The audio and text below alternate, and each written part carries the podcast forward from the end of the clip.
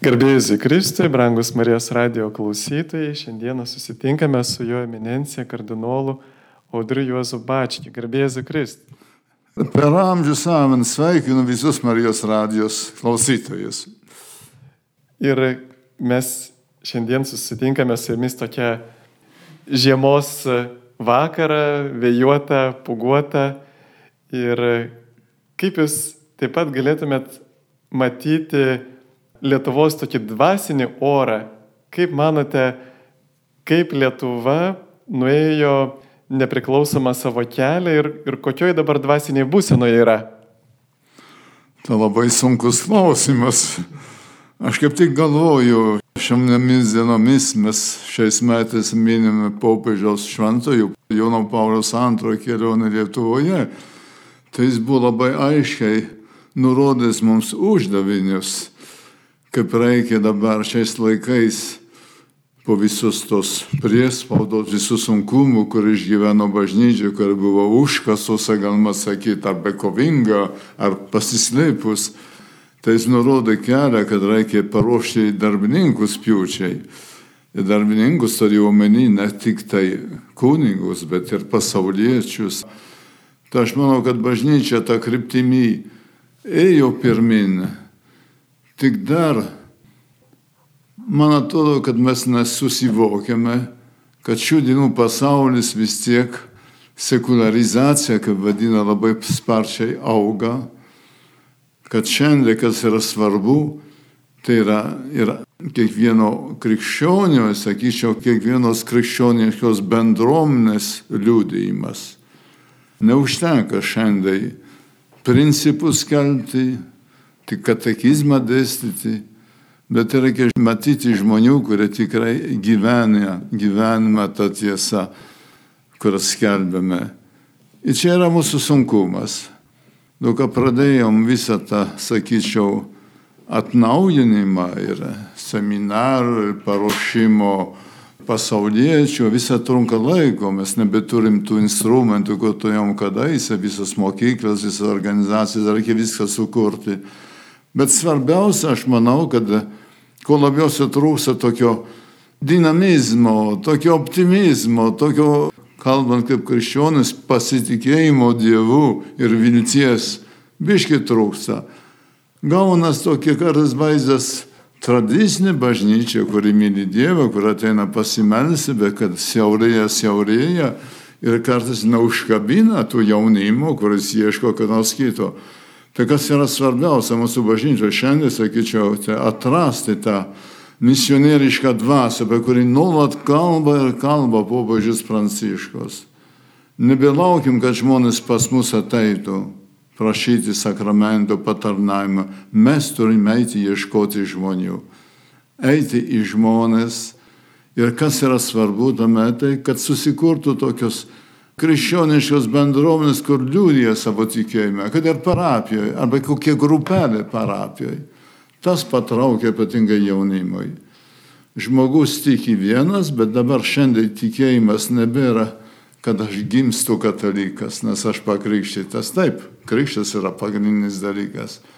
Bet jau nebėra tos visos aplinkos, kur visi eidavo kartu, pasimelsdavo kartu prie stalo, eidavo kartu į bažnyčią ir ką dabar gyvename toje aplinkoje, kur Dievas yra dažnai užmirštas. Ir užtat reikia liūdimą tokių žmonių, kurie tikrai tiki ir savo tikrai gyvenimą yra pavedę Kristų ir nori sekti paskui jį. Tai gal sakyčiau, gal perdedu, bet sakyčiau, prisiminkim Kristaus žodžius, kuris sakė, aš esu kelias, tiesa ir gyvenimas. Atrodo, kad mūsų bažnyčia biški per daug tai skelbia tiesą, bet trūksta tos kelionės, reikia kartu keliauti, ieškoti tos tiesos eiti. Ir ypatingai reikia gyventi tą tiesą, liūdyti savo gyvenimu, šeimos gyvenime, visuomenės gyvenime ir politikoje. Jūs turbūt labiau sakot spaudą negu aš.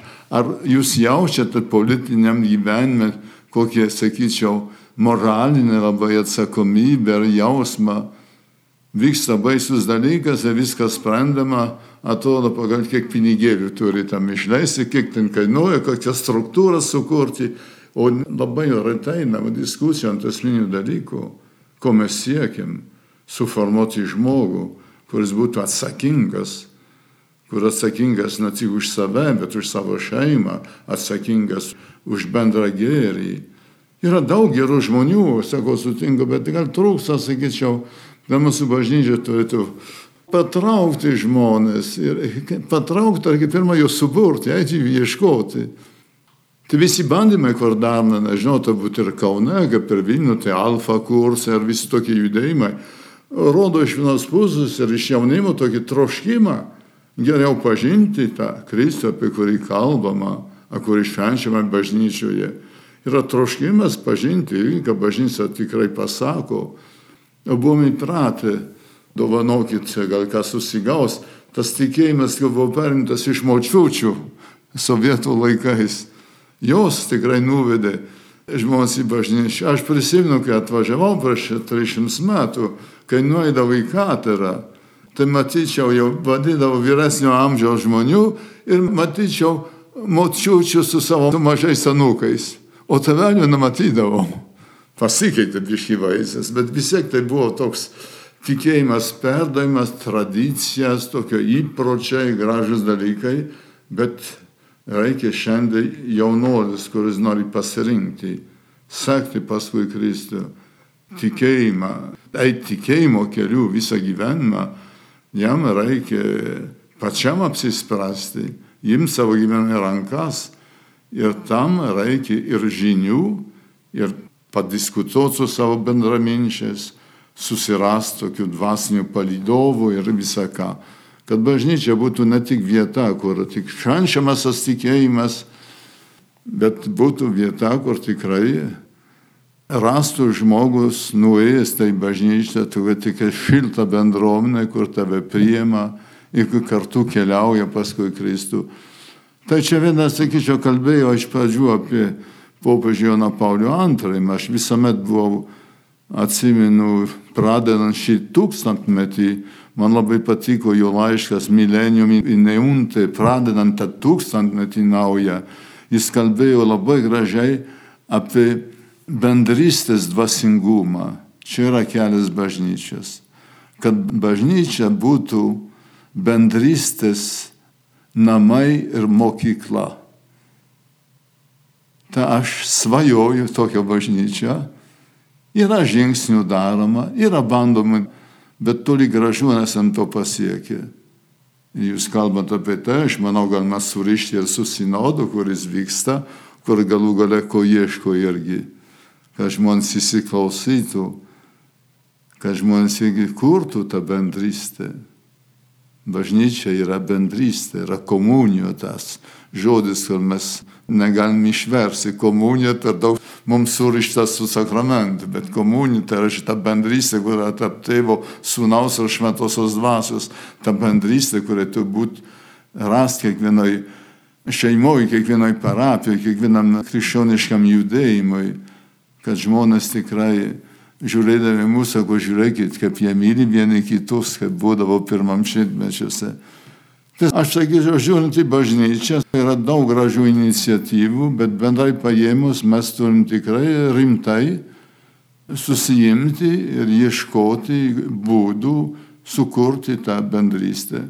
Tad bažnyčia, kad mūsų krikščioniška bendruomenė atrodytų kaip tokia gyva, patraukli bendruomenė, kuri laukia žmonių, kurie priima kiekvienas, kuris ieško pagalbos, o kartais pagalbos ieško žmogus, kuris nelabai tiki, bet vis tiek jam rūpi jo gyvenimo prasme ir taip toliau, tai jis jie rastų, kas nors, ko jam priima, ištisi rankas, kur galėtų įsikalbėti, būti išklausytas ir atei kartu pasikalbėkime. Tai aš manau, kad, sakyčiau, tas žodis bendrystė yra svarbiausia, to sinodas kviečia irgi ir žiūrėti, kad yra svarbu bažnyčioje ta dvasia. Dvasia tai ir šventoji dvasia, kuri veikia joje, kuri gaivina, kuri, kaip sakant, net skaisina mūsų tarpusavių santykius, kur padeda mums įgyvendinti tą Kristaus meilę.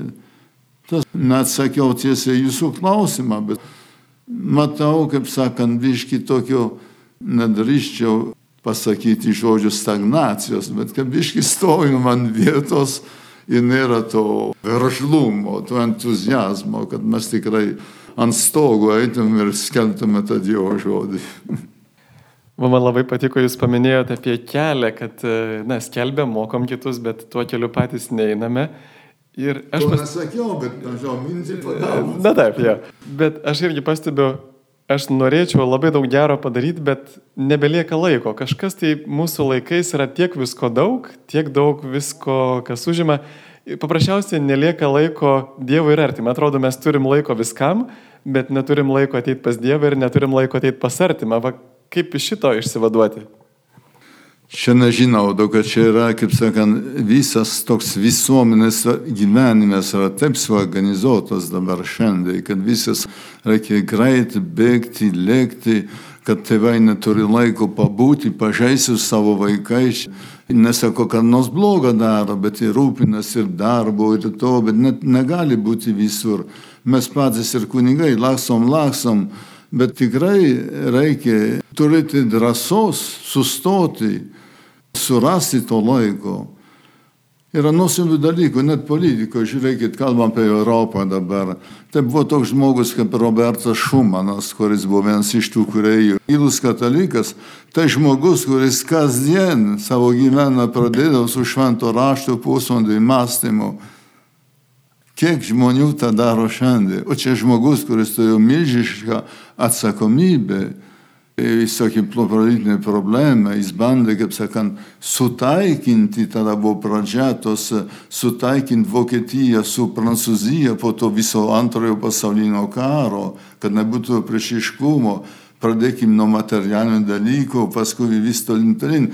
Tai yra žmogus, tai aš manau, kad kiekvienas turėtų mokėti atsiplėšti, surasti, sakyčiau, biški laiko pamastyti viškai, pagalvoti apie gyvenimo prasme, pagalvoti apie Dievą, pagalvoti apie maldą.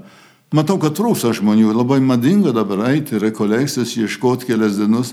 Tai reiškia, jeigu žmogus pabėgti iš tos kasdieninius, kur gali bent kur nors sustoti, niekas tave neveršia pasirūpinti, aš šitą reikia padaryti, šitą reikia užbėgti, šitą nupirkti, šitą reikia sutaisyti. Ir, ir manau, tai jūs sakau, čia yra, bet tas mūsų gyvenimo ritmas manau, kad vis tiek reikia surasti būdą įterpti tą tylos, tokios šventos tylos, kad būtų tylos laikas paskirtas tikrai Dievui arba paskirtas savo, savo santykių su Dievu, savo santykių su kitais. Tas yra reikalinga. Žmogus kitaip pasidaro kaip automatas, bėgi, bėgi, visokių rūpešių neturi laiko. Bet čia gyvenimo ritmas yra toks pasidaręs sunkesnis.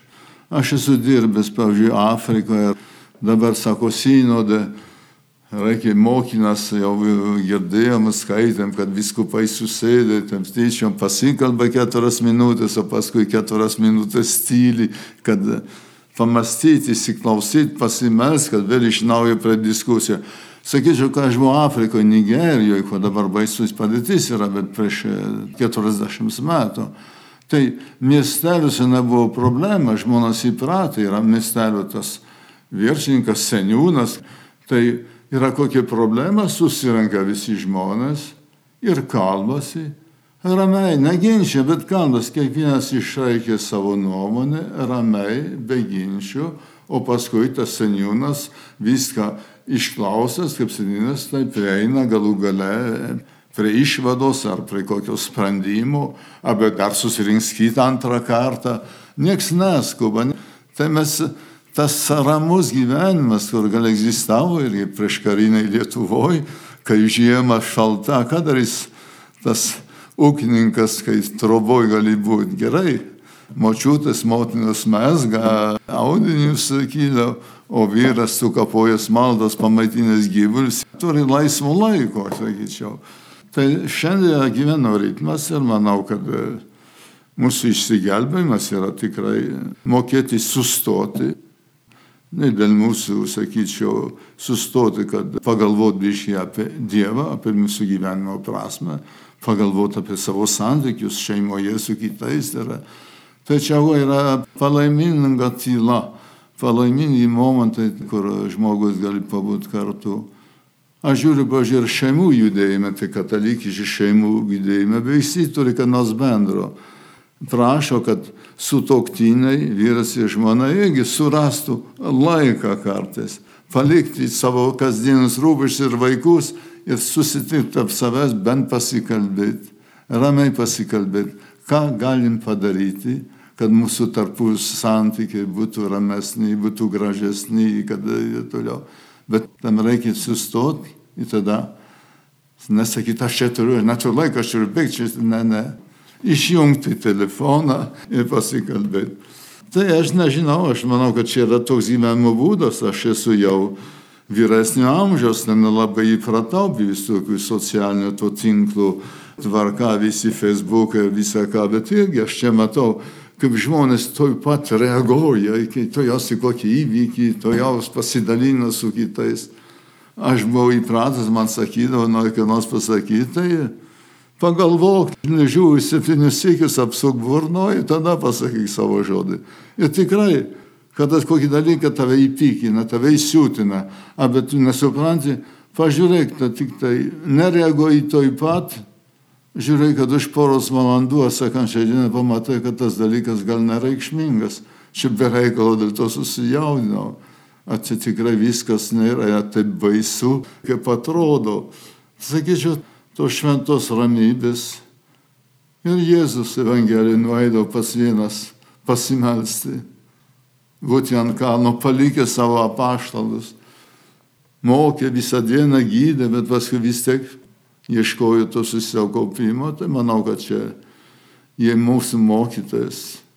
Jėzus taip darė, tai gal pasimokėkime iš jo. Taip, iš tiesų, kai pasimeldi, tada ir darbai daug lengviau praeina ir daug geriau juos padarai. O va štai dar vienas dalykas su liudijimu susijęs, būtent mūsų geri darbai, kur kiekvienas vaikas atsakys, kad ką daryti, jeigu nori, kad e, gyventum krikščioniškai, turi daryti gerus darbus. Mhm. Ir va šiais laikais atrodo, kad tie geri darbai, na, mes juos paliekam, deleguojam karitui, maltiečiams, e, dar visokiems samariečiams. Ir va jūs ilgus metus lydite tikėjimą ir šviesos bendruomenę neįgaliuosius ir šį mėnesį gruodžio popiežius paskelbė maldos intenciją už neįgaliuosius. Čia irgi turbūt yra vienas iš būdų padedant silpnesniems, padedant su negale žmonėms liudyti Kristų. Aš prisimenu irgi, kada savanoriaudavau ir matydavau, kurie savanoriauja, pavyzdžiui, nu, bet tokioj veikloje kitiems žmonėms padėdami, tai kažkaip jie netgi daug labiau jų liudijimas žmonėms kalba, negu kad geriausių pamokslininkų. Labai teisingai galvoju, kaip tik aš rytoj eisiu aukot mišes tikėjimo iš šviesos bendruomenės, kur pradeda savo rekolekcijos, čia ne Vilniuje, Trinapolyje. Aš su jais jau draugauju nuo pat mano atvažiavimo į Lietuvos, nes kai Romai buvo, aš buvau susidūręs su Arko bendruomenės ir net kūriau tą pirmą vieną iš bendruomenių Romai. Tai aš tikrai buvau skautas, tai kai aš buvau dar jaunas, tas skautas mus mokino kiekvieną dieną reikia padaryti gerą darbą. Tai buvo toks būdas. Ir tikrai vaikiškai tą darydom, čia kam nors padėti, kam nors padaryti, bet vis tiek turėtų omeny, negalvoti apie savo, kad nors gero padaryti.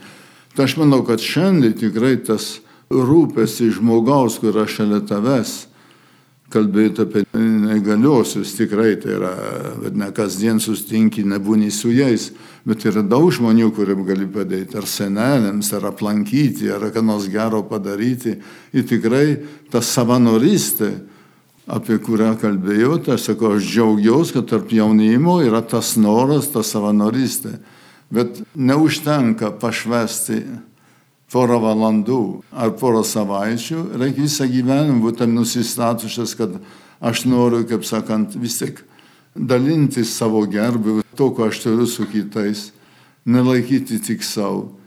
Tas yra ir šeimoje, šeimoje gali gražiausiai gyventi, irgi turi būti atvira šeima.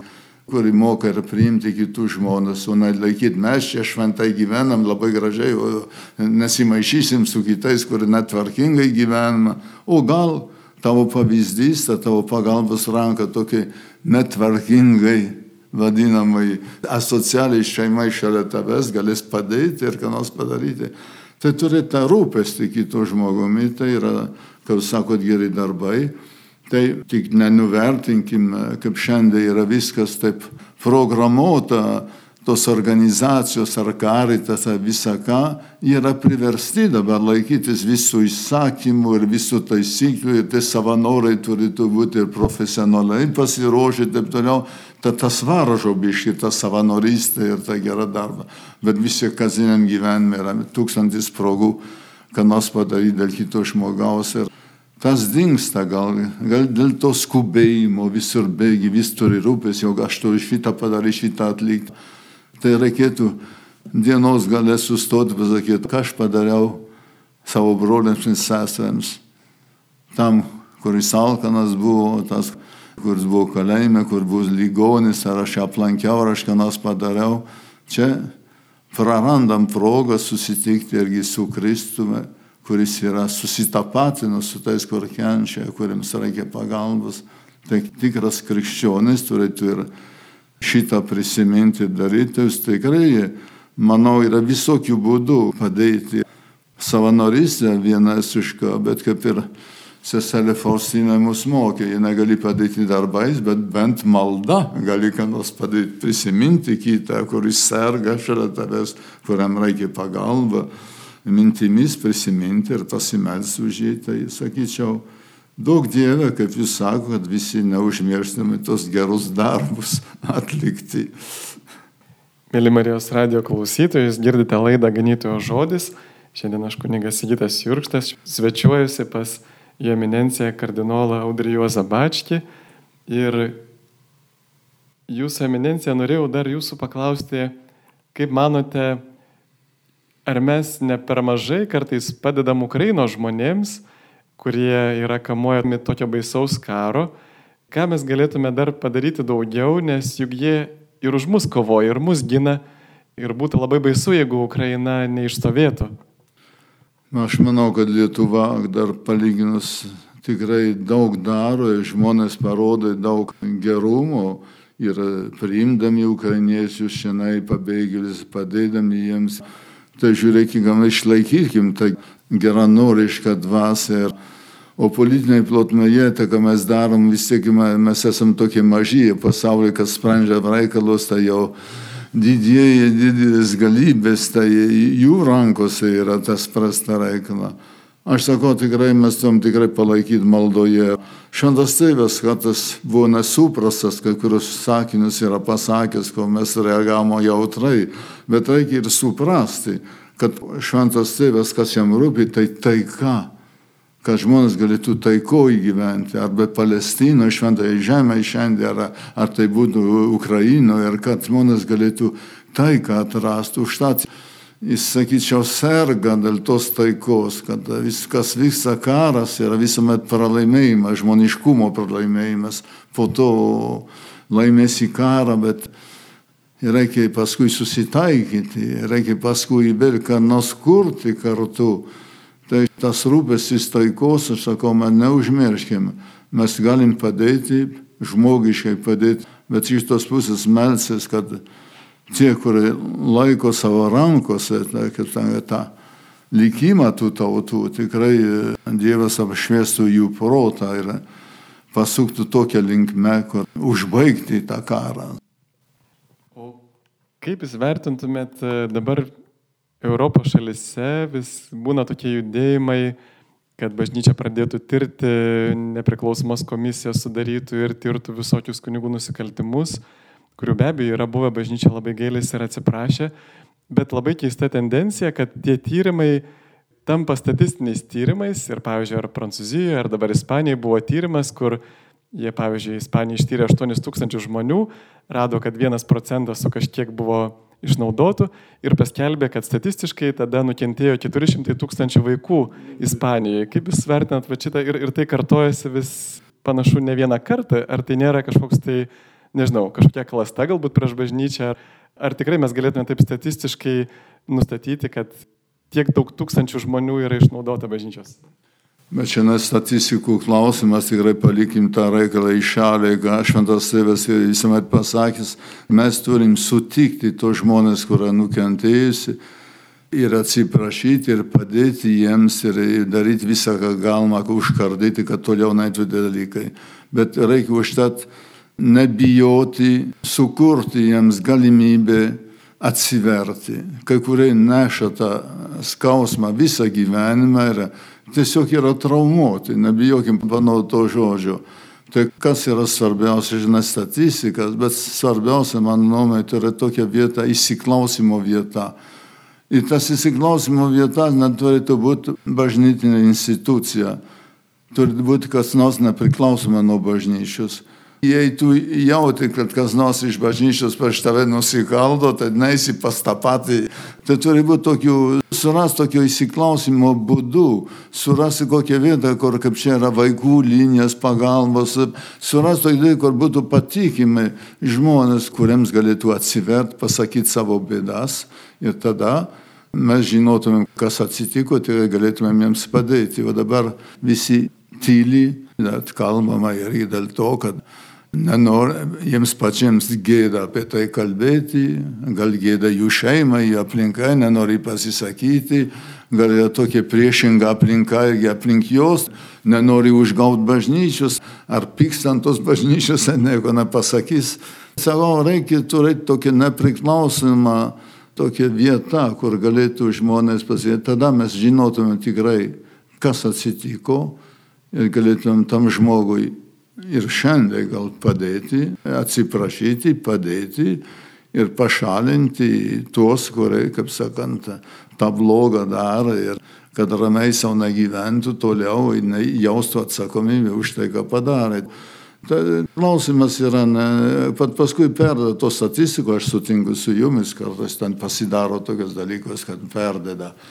Bet faktas, kad mes pripažintumėm, aš kalbu, mes bažnyčia, mes viskupai pripažintumėm, kad tai dalykai buvo ir kad nebijotumėm, kad tai specialistai, tai būtų jau psichoterapeutai, ar būtų, bet tokie, sakyčiau, žmonės, kurie gerbė kitą žmogų, kad būtų, sakyčiau, ir geri katalikai, galėtų sudaryti tokios įsiklausimo vietelę. Ir manau, kad nereikia bijoti tiesos, tiesa jūs padarys laisvus, sako Kristus. Nebijokim tiesos, atsiprašykim ir išklausykim ir taip toliau. Negalim sakyti, o čia nieko nebuvo, užmirškim. Gerai. Nemanau, kad mes esame šventesni ar švaresni už visus kitus. Tai aš nebijaučiau, kaip sakant, paieškoti patikimų žmonių, kurie galėtų priimti tą atsakomybę, įsiklausyti. Tačiau yra vienas dalykas daugiau. Paskui būda statistikos, tai sakau, čia ne, ne tam, kad žinot, kiek buvo, kas buvo, bet konkretų žmogų, kuris nukentėjo, kad jis galėtų atsiverti, ką nors pasipasakoti ir, ir tą, kiek galima jam galėtumėme padėti. Šventasis tėvas, žiūrėk, kur jis eina visur, visur susitinka su tais nukentėjusiais. Jis neina pas komisijas, jis neina pas tis, kur, kur yra kaltinami, jis neina su jais, kad išgirs iš jų gyvo žodžių, ką jie iškentėjo. Jiems skauda. Ir mums turėtų skaudėti. Tai nebijoti, jei kad nors yra, yra žaizda, puliojanti žaizda, reikia kartais ateiti ją atverti ir, ir gydyti.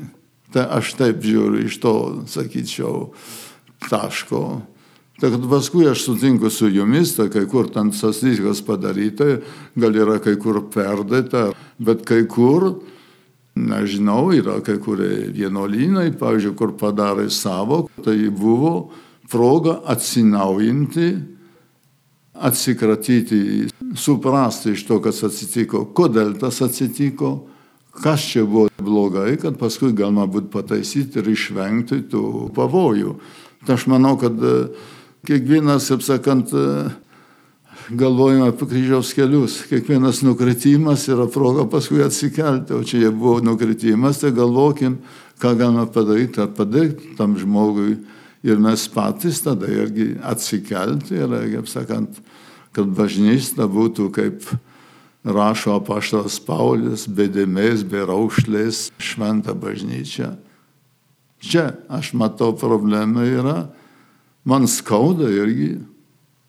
Aš asmeniškai esu sustikęs savo gyvenime su vaikais, kur man pasisakė, kas atsitakė. Ir žinau, kokia žaizda padaryta. Ir iki šiol mes viską taip patiliomis laikėm, kol išėjo sunkumas, sakau, tai sakyčiau, nešiot savo širdyje tokie, sakyčiau, atjautą ir skausmą, kurią patyrėte žmonės ir jauskime ir mes atsakomingi už tai. Tai man labai patiko ta jūsų mintis apie tai, kad nežiūrėtume statistikos, bet kiekvieno atskiro žmogaus, atrodo ir popiežius Pranciškus yra sakęs, kad svarbiausia neskaičia, bet gyvi žmonės, konkretų žmonės ir kur buvo vienas kitas žmogus nusikaltęs, tikrai buvo galima atlikti ir tyrimą ir, ir, ir pamatyti, bet kai eina kalba apie visą bažnyčią, tai kažkaip labai taip linkstamanai tokiu lengvesniu keliu pasakyti, kad, na, tiesiog pateik skaičius ir viskas. Ir, ir tuos skaičius dažniausiai tokius išpūstus labai tokius pateikti, kad paskui jaunimas iš viso turbūt sakytų, na, tai aš į tokią bažnyčią jau nebenoriu ateiti, jeigu čia yra tiek šimtų tūkstančių nukentėjusių. Ir kai iš tikrųjų, na, tie žmonės pasimeta tarp skaičių, kurie tikrai yra netikri. Bet sakyčiau, paprasčiausiai čia klausimas nėra dėl bažnyčio, yra vis tik tas dalykas yra bjaurus dalykas, kur yra paplytęs, sakyčiau, bendrai ir, ir, ir Lietuvoje, kaip ir kitur. Čia nekalbėjome apie bažnyčią bendrai, gal ir mokyklos, ir visą ką. Ir reikia pagalvoti apie tai. Ir šeimoje ypatingai statistikas, kas daro, pabrėžia, kad daugiausiai tai šeimos aplinkoje, tos artimos giminės, ten vyksta tas dalykas.